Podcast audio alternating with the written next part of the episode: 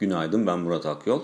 Piyasalar FED toplantısının ardından oluşan baskıdan sıyrılma çabasına devam ediyor. Bu noktada Amerika'da dün 3 ana endeksinde kapanışı artı bölgede yaptığını gördük ki özellikle Nasdaq'taki yükseliş dikkat çekiciydi. Çünkü Nasdaq e, kapanış bazında tarihi zirvesine yükselmeyi başardı. Ama aslına bakılırsa endekslerin gün içinde çok anlamlı bir performans gösteremediğini gördük. Daha çok kapanışa doğru alımlar biraz daha güç kazandı. Bunun nedeni de e, FED Başkanı Powell'ın Temsilciler Meclisi'ne yaptığı sunumdu.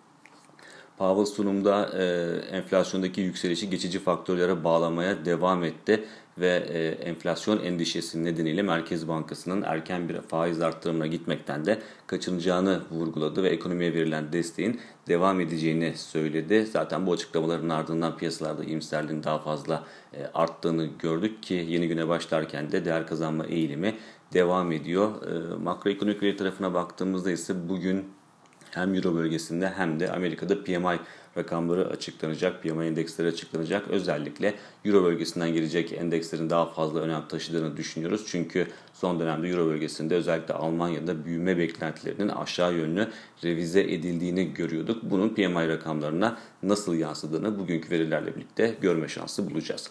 Bir sonraki podcast'te görüşmek üzere.